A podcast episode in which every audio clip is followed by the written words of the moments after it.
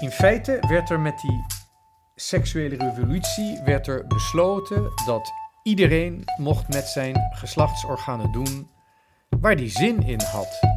In deze podcast gaat Pater Elias op zoek naar wat echt is. Hij gaat de uitdaging aan om een zo helder mogelijk beeld te vormen van hoe de wereld in elkaar steekt. Dit is de Pater Podcast.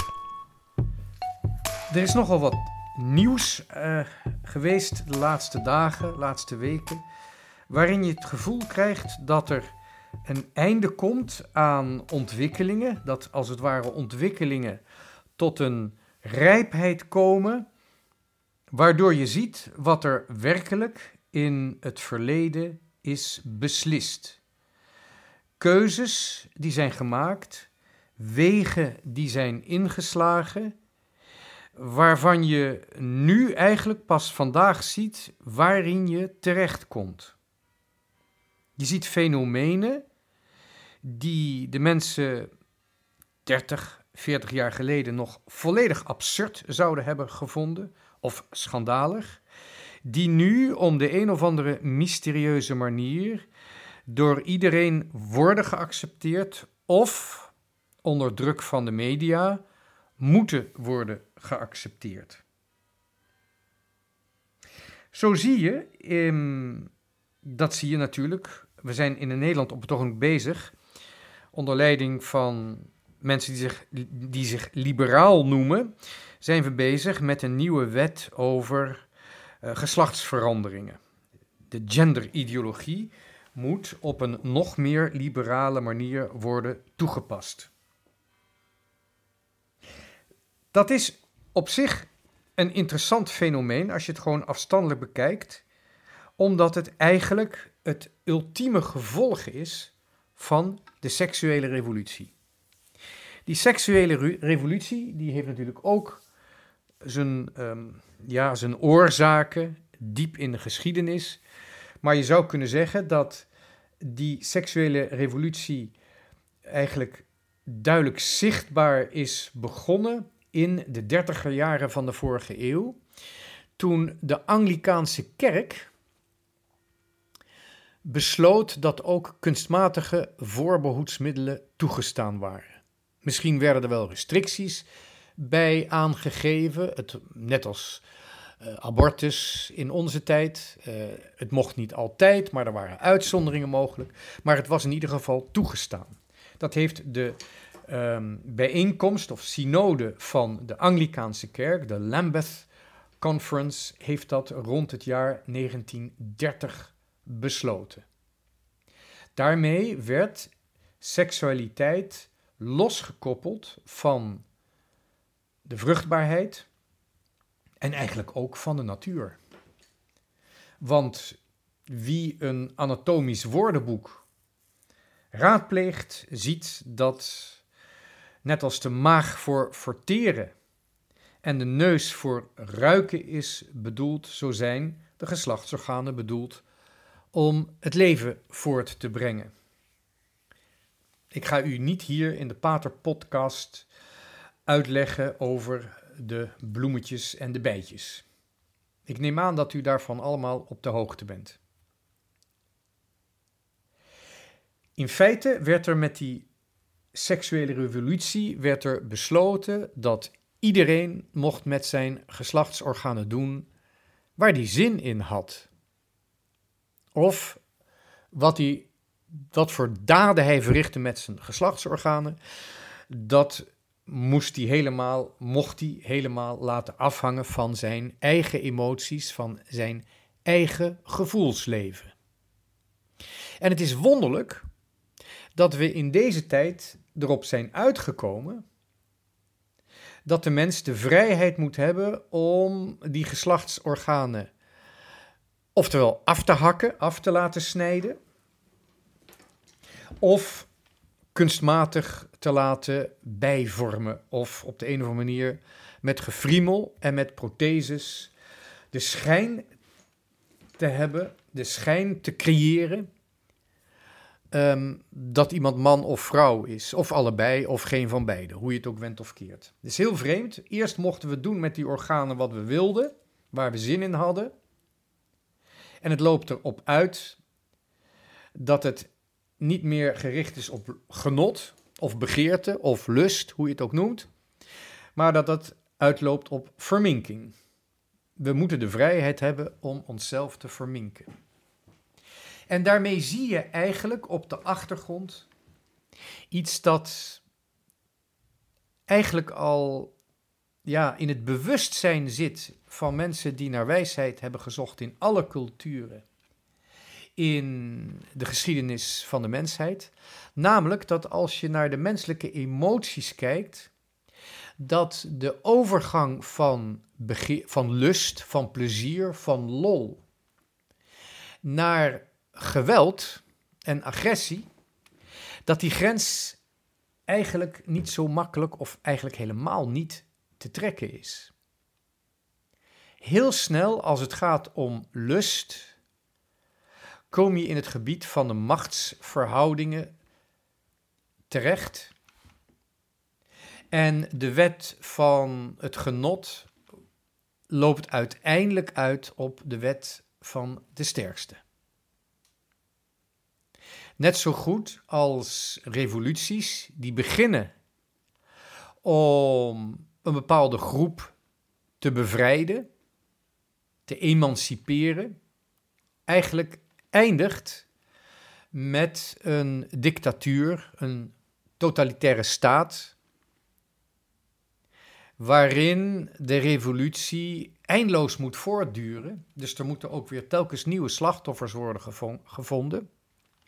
Er moeten telkens nieuwe mensen, nieuwe groepen worden gevonden die onderdrukt worden en andere die onderdrukt moeten worden.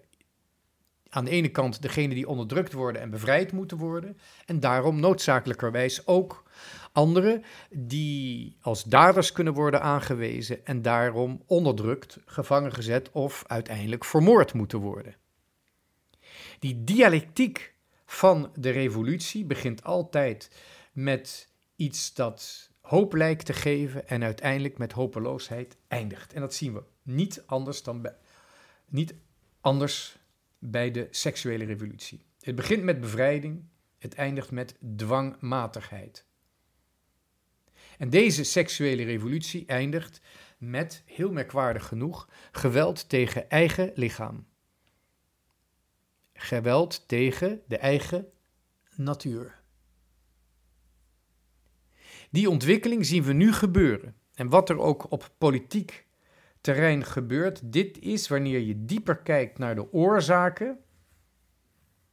Oorzaken die je vaak binnen een ideologische dictatuur niet meer mag zoeken. Maar als ik daar tegenin ga, als ik werkelijk mijn eigen wil en mijn eigen verstand wil bevrijden, dat is de enige echte bevrijding. Dan ga ik naar oorzaken zoeken.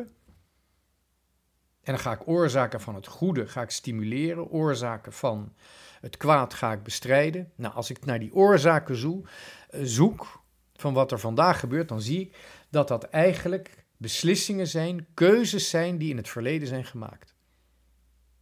En dan ga ik, hoef ik niet voor die seksuele revolutie althans, kan ik natuurlijk heel ver teruggaan tot bij de eerste zonde en de keuze die Adam en Eva hebben gemaakt voor eigen wijsheid. Adam en Eva hebben besloten om de eigen natuur te sluiten voor het bovennatuurlijke, terwijl we van natuurlijk een openheid hebben naar het bovennatuurlijke. Dat zit in ons, dat is onze ziel. Onze ziel is onvolledig, zoekt volledigheid en kan die dus ook gaan zoeken in het bovennatuurlijke. Maar Adam en Eva hebben besloten om die natuurlijke openheid te sluiten en uiteindelijk sluiten ze zichzelf op in een, natuur die daardoor steeds meer gefrustreerd raakt. Oftewel, op de zonde volgen de gevolgen van de zonde. Zover kan ik teruggaan. Als ik iets meer onze eigen tijd, onze eigen wereld bekijk, dan kom ik terug in de vorige eeuw en dan zie ik een hele belangrijke mijlpaal is 1930 geweest. Maar in de vorige eeuw zijn er andere mijlpalen geweest. Niet alleen de seksuele revolutie in het Westen, maar ook de Russische revolutie in het Oosten. En we zien eigenlijk ook vandaag weer de ultieme gevolgen van die revolutie. Iedereen dacht, met de val van het communisme, de ideologische communisme en de communistische partijen, is eigenlijk die Russische revolutie voorbij. Maar helaas is dat niet waar. Het communisme is een bepaalde ideologie. Het marxisme gaat daaraan vooraf. En het marxisme is een bepaalde filosofische analyse die we kunnen bespreken. We kunnen daar fouten in aanwijzen, principiële fouten, foute uitgangspunten, maar in het marxisme zijn ook bepaalde observaties van de vrije economie die op zich interessant zijn. Marx was niet de enige, er waren vele anderen die best wel fouten zagen van het kapitalistische systeem, die er ook echt waren. En de communistische ideologie is dan als een soort van praktische toepassing van het marxisme. Even incorrect als het marxisme zelf. Maar eigenlijk wanneer je naar die Russische revolutie kijkt, waarvan we vandaag eigenlijk het einde zien of ultieme gevolgen zien, dan is er veel meer aan de hand dan alleen maar het communisme. Eigenlijk, om te begrijpen wat er vandaag gebeurt in Rusland, en laten we er even van uitgaan dat we dat willen, moet je zien dat, ook al is Lenin de meest zichtbare kracht geweest in de revolutie van de Bolsjewieken, hij was de leider, dat er eigenlijk drie personen zijn geweest die de Sovjet-Unie gevormd hebben. Die de Sovjet-Unie een ideologisch kader hebben gegeven en als ik het ook kan zeggen, een religieus kader. Want God bestond niet, maar dat atheïsme was wel een godsdienst. Het was een absolute waarheid waar iedereen in moest geloven. Er zijn eigenlijk drie figuren rond Lenin die we moeten zien om te begrijpen wat er na die revolutie is gebeurd en wat er nu gebeurt. Drie figuren. Allereerst degene die de opvolger van Lenin is, namelijk Stalin.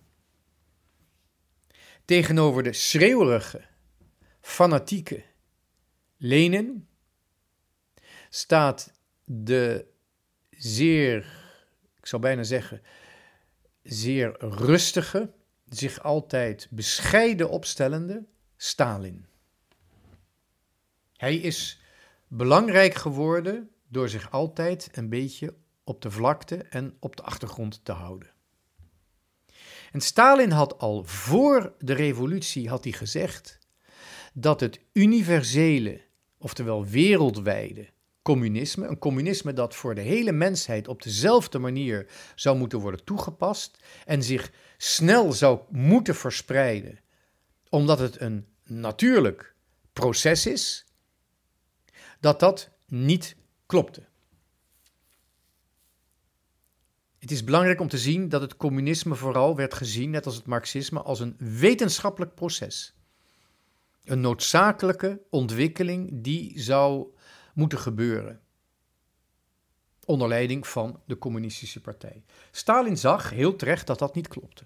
En al voor de revolutie schreef Stalin een verklaring dat in Rusland het universeel communisme niet kon worden toegepast en wat hij niet als zodanig formuleerde, maar ik formuleer het wel zo, een multinationaal socialisme. Dat formuleerde hij. Dat wil zeggen, de nationale identiteit van de volkeren moest worden gerespecteerd, hun culturen, hun taal, en van daaruit moest een soort van ja, imperium, een imperium, een dictatuur van het proletariaat worden gevestigd. Die termen gebruikte hij allemaal nog niet, maar in feite komt het daarop neer. En dat werd de Sovjet-Unie. Eén grote gevangenis van volkeren die wel in hun identiteit gerespecteerd werden, omdat ze wel gerespecteerd moesten worden. En toen Stalin na de Tweede Wereldoorlog bleef zitten met gebieden die geannexeerd eigenlijk hadden moeten worden, in ieder geval bezet moesten blijven, heeft hij ook daar, net zoals, hij nu, net zoals Poetin nu in de Donbass doet, heeft hij ogenschijnlijke, uh, eerlijk, ogenschijnlijk eerlijke democratische verkiezingen georganiseerd, waarbij um, in feite heel Oost-Europa in de macht van Moskou bleef. Die trucs heeft Stalin al uitgehaald. Het manipuleren eerst van de publieke opinie, de ontevredenheid van mensen die te passief zijn om hun eigen lot werkelijk resoluut te veranderen. Dat is heel vreemd, maar de Russische propaganda kan altijd erg makkelijk inspelen op het fatalisme van de Russen die wonen in bijvoorbeeld de Baltische staten of in de Oekraïne. Het fatalisme zit heel diep bij die mensen en ze zijn daardoor altijd vrij hopeloos. En tegelijkertijd weten ze wel wat er aan de hand is, want ze observeren goed en ze voelen dingen goed aan. Vandaar ook dat een meerderheid van de Russen eigenlijk ja zegt als ze worden gevraagd of ze het eens zijn met de inval in Oekraïne. Maar zo gauw ze zelf moeten meevechten, vluchten ze allemaal weg. Zijn ze er ineens allemaal tegen. Dat is duidelijk een fatalistische houding. Ik zeg ja als het mij niets aangaat en ik vlucht als het me te heet onder de voeten wordt. Stalin heeft van de revolutie een multinationaal socialisme gemaakt. Een tweede persoon, dat was zijn grote concurrent, dat is Trotsky. En Trotsky was wat dat betreft de meer militante factor. Trotsky, de totale tegenpol van Stalin.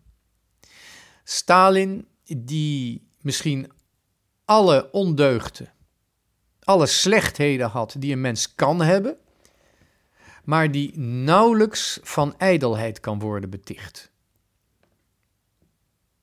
Hij wist zijn bescheiden houding goed aan te nemen om langzamerhand op de achtergrond de macht te grijpen, via de bureaucratie. Terwijl Trotsky de ijdelheid zelf was. Een dandy die zichzelf zeer cultureel vond, graag vooraan stond, briljant was, maar tegelijkertijd ook een Luciferiaanse, um, ja, een Luciferiaanse manier van denken had. Hij was de grote vijand van Stalin, maar hij was nodig omdat deze dandy het Rode Leger heeft opgebouwd een volstrekt rukzichtloos instrument heeft hij ervan willen maken. En dat is ook enige tijd zo geweest. Deserteurs werden zonder pardon doodgeschoten. Ook al waren de wapens gebrekkig waarmee soldaten naar het front werden gestuurd. Wanneer ze zich omkeerden, werden ze vanuit, vanuit hun eigen gelederen werden ze doodgeschoten. Je kon als Russische soldaat maar één kant uit, namelijk het front in. En daar vond je zeer waarschijnlijk de dood, maar als je je terugtrok, vond je zeker de dood. Trotsky ging misschien wel het verst in de vernietigingsdrang die als ideologie werd verspreid. Hij heeft ook perverse tactieken ontwikkeld voor propaganda en terrorisme. En het is niet vanwege zijn slechtheid, maar wanneer je kijkt hoe het gebeurd is, vooral vanwege zijn ijdelheid dat Stalin een hekel aan hem had en hem verbannen heeft. Eerst verstoten uit de partij, vervolgens verbannen en vervolgens laten vermoorden in Mexico. Trotsky en Stalin, dat zijn bekende personen. Veel minder bekend is de derde persoon, Felix Dzerzhinsky, een oorspronkelijk Poolse katholiek, die een aantal nogal zorgwekkende overeenkomsten had met Stalin. Ten eerste, Stalin en Dzerzhinsky, Felix, zijn allebei mislukte seminaristen. Stalin is van het orthodoxe seminarie gegooid in Georgië. Niet omdat hij een communist was, want dat, dat, hij was al min of meer een linkse radicaal. Nee, omdat hij evolutionist is geworden. Stalin is van het seminarie getrapt op het moment dat hij zei: God bestaat niet, omdat de evolutieleer dat duidelijk bewijst. Er is geen schepping, dus ook geen schepper. De evolutieleer geldt. Stalin, die goed in zijn talen was, had Darwin's The Origin of Species gelezen. En daarmee is hij atheïst geworden. En hij deelde zijn mening ook met andere seminaristen. Hij liet ze ook het boek lezen en probeerde ze ervan te overtuigen dat God niet bestond. En dat is de reden waarom Stalin van het seminarie is gegooid. Felix Dzerzhinsky is ook ooit niet van het seminarie afgegooid, maar wel geweigerd. Hij is er nooit binnengekomen, hij is bij de deur geweigerd. En wanneer je de redenen daarvoor ziet, dan, dat woord bestond misschien nog niet zo, maar dan zie je eigenlijk narcissisme. Dzerzhinsky, volgens de geestelijke vaders van dat Poolse seminarie, die was zo met zichzelf bezig dat hij ongeschikt was om andere mensen van uh, hun zonde en andere problemen te bevrijden. Er zijn nog andere overeenkomsten. Onder andere, beide heren hadden geen of een slechte of een afwezige vader. En een overdreven, gevoelige, bezitterige moeder. Een fenomeen dat je ook eigenlijk bij Hitler ziet en ook bij Napoleon. De afwezige vader en de overheersende moeder. Het is geen garantie dat het fout gaat, maar het is wel een factor die je eh, bij verschillende dictators kan tegenkomen. Felix Dzerzhinsky, we weten nou een beetje wie die is. Er is ook één heel vervelend gegeven uit zijn jeugd. In zijn puberteit heeft hij waarschijnlijk persoonlijk zijn eigen zusje doodgeschoten, per ongeluk. Er is niet, het is niet helemaal duidelijk of hij dat is geweest of zijn broer, maar hij was met geweren aan het spelen buiten. Er bleek een geweer geladen te zijn en een van de bij, twee broers um, heeft daarbij per ongeluk een zusje doodgeschoten. En het kan heel goed zijn dat ook die gewetensvroeging daarover bij deze verdrietige ziel een rol heeft gespeeld. Felix Dzerzhinsky, wat heeft hij gedaan? Hij heeft eigenlijk het belangrijkste gedaan in de Russische revolutie. Stalin heeft een ideologie ontwikkeld die eigenlijk de plaatsvervangende religie is geworden in de Sovjet-Unie. Trotsky heeft het leger opgezet. Maar Dzerzhinsky heeft de geheime politie heeft hij opgezet. En zonder die geheime politie is het absoluut onmogelijk om te begrijpen wat de Sovjet-Unie is geweest. De eerste afkorting van de geheime politie, de eerste naam, hè, dat is een afkorting, is Tcheka. Oftewel de Tcheka. Daarna is deze organisatie iets van acht of negen keer van naam veranderd. De organisatie heet vandaag de dag de FSB. Een beetje naamverandering, een beetje structuurverandering, maar in wezen, de geest is nooit veranderd. En daarom noem ik het ook maar gewoon de Cheka. En degene die nu aan de macht zijn en onder de paraplu van Poetin vallen, inclusief Poetin zelf, zijn gewoon Tsjechisten. Het hebben over SFSB, die vroeger KGB was, ex-KGB'er, of uh, geheime dienst of spion. Dat zijn allemaal fopnamen. Laten we het gewoon houden op de Tsjeka. Het regime in Moskou is een Tsjechisten-regime. Wat is de Tsjeka? De Tsjeka is in feite het, de organisatie geweest, het instituut, dat een volledige beheersing van de menselijke psychologie wilde bereiken en ook vrij ver gekomen is.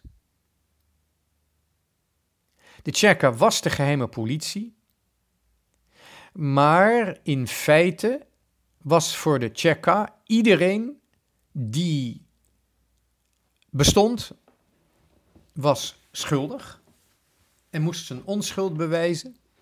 En alle beschuldigingen van de Tsjeka konden ongecontroleerd op de mensen worden afgeworpen. Uh, ja, op de mensen worden uh, uh, afgeworpen. Hoe zeg je dat? De, mensen was, de mens was eigenlijk permanent in staat van beschuldiging. En moest bang zijn voor zijn leven. En dat gold in zekere zin ook voor de mensen binnen de KGB. Er zit een demonische psychologie in de Tsjeka, die volledig en alleen is toegespitst op macht en angst. Met als speciale kenmerk dat zowel de angst als de macht onzichtbaar zijn. De maatschappij wordt, moet gemanipuleerd worden door een collectieve angst, waarin iedereen allereerst aan zijn eigen hachje denkt en zich bewust moet zijn van een onzichtbare macht die op ieder moment, op elke plaats, je kan gaan bedreigen.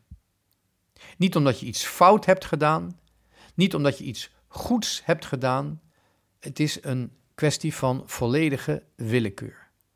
En dat is de terreur waarmee de Tsjeka is begonnen. En die door de geschiedenis heen verschillende gezichten heeft gehad. Of het nou een psycholoog was of een geweerloop. Of het nou economische manipulatie was of iets anders. Dat is de Tsjeka. Een onzichtbare macht waar niemand het over wil hebben, maar waarvan iedereen weet dat hij er is. En dat is tot op de dag van vandaag zo in Rusland. Men heeft het er liever niet over, maar iedereen weet dat zij toch zowel het eerste als het laatste woord zullen hebben. En die macht van de Tsjeka is nooit gebroken geweest. Ze, ze hebben de val van het communisme aanzien komen. Ze hebben de zeg maar wilde jaren van de jaren 90 van de vorige eeuw hebben ze stand weten te houden en vanaf ja, die tijd hebben ze met succes geprobeerd. Ze zijn erin geslaagd om uiteindelijk alle machtsverhoudingen in de Sovjet-Unie, zowel de criminele als de officiële machtsverhoudingen, om die onder één paraplu te krijgen. Onder één macht. En daar zien we nu in feite de vruchten van. En die vruchten zijn allereerst heel zuur voor de Russen zelf. En misschien wel het zuurst voor Poetin zelf.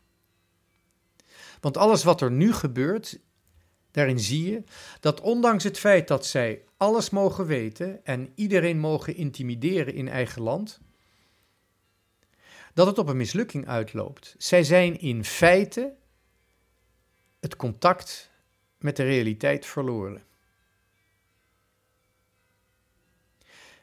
je zou kunnen resumeren dat de Tjerka een soort van instituut is, een onzichtbaar, ongrijpbaar, onmeetbaar instituut, dat de monopolie heeft over rationele verhoudingen, over rationaliteit.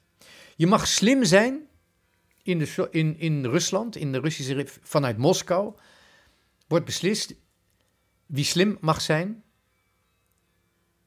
wie mag nadenken als het hun uitkomt. We zien daarvan nu eigenlijk het einde. Het enorme probleem met de logistiek, het enorme probleem met de motivatie, met name van de soldaten, dat is allemaal een vrucht van de machtslust van de Tsjeka, die zich helemaal tegen hunzelf gaat keren. De mensen die niet gemotiveerd zijn, zijn niet meer in beweging te brengen. De mensen aan wie verboden is vrij en rationeel na te denken, die zullen dus ook nooit tot verantwoordelijke, eigen gekozen en gemotiveerde daden komen. Het zal nooit tot een coherent, logisch geheel worden.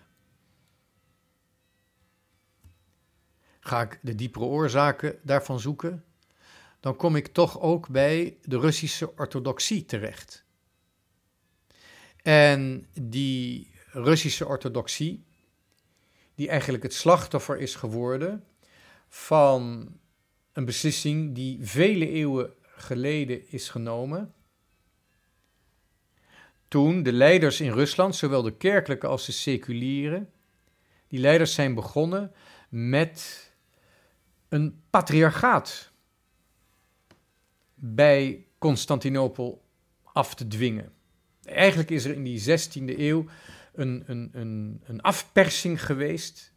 De patriarch van Constantinopel is onder druk gezet om Moskou een patriarchaat te verlenen.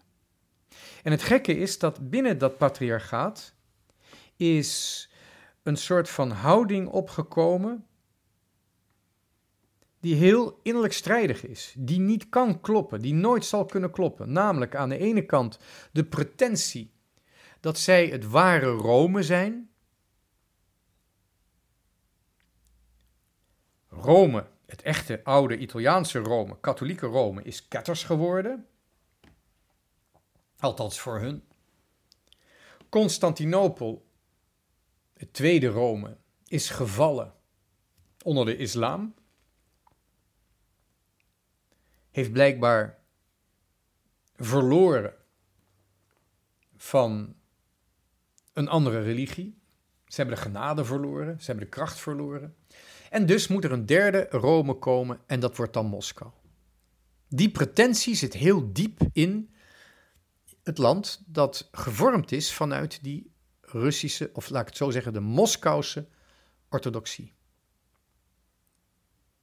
Maar het is heel strijdig omdat tegelijkertijd die Moskouse orthodoxie, dat patriarchaat, eigenlijk de principes, de principiële karaktertrekken van Rome altijd heeft afgewezen. Namelijk rationaliteit en het filioque.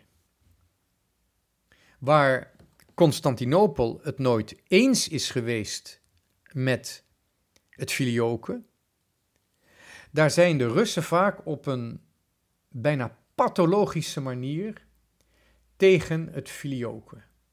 Ze beginnen er telkens maar weer over. Om te laten zien dat Rome ketters is geworden. En bovendien is er een nog veel diepere afwijzing van rationaliteit, van nadenken, van vertrouwen in het menselijk verstand.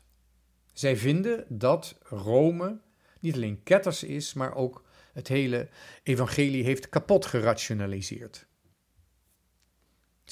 Ook die beschuldiging heeft een pathologisch karakter gekregen. Dus de, het Moskouse patriarchaat is zowel fel anti-rooms, en dan niet rooms in concrete zin, of misschien een beetje in concrete zin, maar vooral in principiële zin. Zij wijzen de principes van Rome af. Wat Rome, Rome maakt, wijzen ze, zich, wijzen ze af, maar ze willen wel zichzelf tot Rome maken. Dat is een innerlijke tegenstrijdigheid die uiteindelijk de wereld van de Tjerka heeft geproduceerd. Omdat de Tjerka een monopolie heeft dat onzichtbaar is of zich onzichtbaar wil houden over de rationaliteit. Niemand in het Rusland van de Tjerka mag zelfstandig rationeel denken. Wie er rationeel mag denken, wordt beslist in onzichtbare milieus, geheime milieus van de Tjerka. Vandaar dat het gebouw Lubjanka in Moskou ook zo'n demonische kracht uitstraalt, waarvan de Russen zich donders goed bewust zijn, ook al durven ze het niet te zeggen. Zoiets klopt niet. Het is innerlijk tegenstrijdig en daar zien we ook nu, vandaag de dag, eigenlijk de ultieme consequenties van. We leven in een hele vreemde tijd, omdat, net als met die seksuele revolutie, de absurde, ultieme gevolgen zichtbaar worden van fouten die in het verleden gemaakt zijn. Verkeerde beslissingen die in het verleden genomen zijn. Verkeerde wegen die in het verleden zijn ingeslagen. En daarom, wanneer we echt proberen een objectieve waarheid te kennen en te geloven, dat we, wanneer we dat zien en moeten meemaken, we eigenlijk alleen maar vreugdevoller worden. En in onze hoop gesterkt worden. Klinkt misschien heel vreemd, maar toch is het zo. Door te zien dat de ultieme gevolgen van laten we het maar gewoon openlijk zeggen, de zonde zichtbaar worden, weten we één ding. En dat ene ding versterkt onze hoop en daarmee ook onze vreugde, die niemand ons kan afnemen. Namelijk, als het kwaad zichtbaar wordt, dan komt de duisternis dus aan het daglicht. De duisternis die de mensen bedrogen heeft, verleid heeft, bekoord, verzocht, hoe je het ook wil vertalen, beproefd. Die duisternis, de oorzaak van het kwaad, waardoor de gewone mensen zo moeten lijden, de gewone mensen die de geliefde schepselen van God zijn, God die licht is en in hem alleen maar is licht. En hij wil ons dat licht geven, hij wil het licht met ons delen. De oorzaken van dat lijden van arme mensen die verdwaald zijn, die bedrogen zijn, die bang zijn, die onderdrukt worden. De oorzaak ligt in de duisternis. En die duisternis, die komt als het ware aan het licht. Die wordt zichtbaar. Dat is hoopgevend, want als duisternis in het licht komt, is ze aan het verdwijnen. Is het geen duisternis meer. Als duisternis wordt ontmaskerd, verliest ze haar kracht. En dat wordt in het Oude Testament een aantal keer beschreven door de gelijkenis van Lucifer of een andere engel die op de aarde valt en voor iedereen zichtbaar wordt op een schaamtelijk, schaam, uh, hoe zeg je dat, Schaamvo, schaamtevolle, beschamende, dat is het woord op een beschaam, uh, beschamende uh, manier. Op een eerloze manier valt de engel Lucifer op de aarde en iedereen die het wil zien, zal het kunnen zien. En als Lucifer valt, dan is dat misschien heel pijnlijk. Het lijkt, omdat het zichtbaar wordt, heel erg te zijn, maar in feite is het het einde. Ik wil even nog eindigen met twee ehm, quotes. Twee dingen die mensen gezegd hebben. Ten eerste een, iemand in, in Litouwen die zelf in de, in, in, in, in de kamp, in de gulag had gezeten. Die zei mij een keer, weet je, terwijl we in dat kamp zaten, wisten we, dit is zo erg, dit is zo openlijk, dit moet wel een teken zijn dat de duivel al verloren heeft.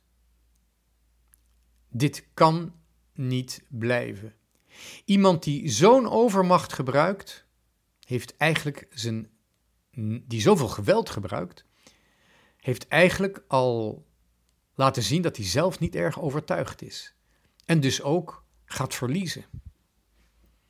Het is overigens een uitspraak die ik ook wel eens gelezen heb van iemand die in Auschwitz zat en dat overleefd heeft en heeft kunnen navertellen. Die zei: Dit was zo gruwelijk, ik wist, dit kan niet lang duren. En dus moet ik proberen te overleven. En het laatste uitspraak die ik wel eens heb gehoord. Ik kan het helaas niet nagaan wanneer het was of hoe het was. Maar het is de schrijver Chesterton. Die werd aangehaald door iemand en die zei: Katholiek zijn, dat is oorlog en vreugde. Of letterlijk, war and laughter. Vechten en lachen. Waarom? Omdat we nog zelfsterfelijk zijn. De gevolgen van de zonde woeden nog. Maar de oorzaak van de zonde wordt steeds krachtelozer. Satan is in paniek. Lucifer valt keihard op zijn bek. En dat is een teken dat ons vertrouwen in Jezus Christus, die al overwonnen heeft op Golgotha, niet zal worden teleurgesteld. Bedankt voor het luisteren en tot de volgende keer.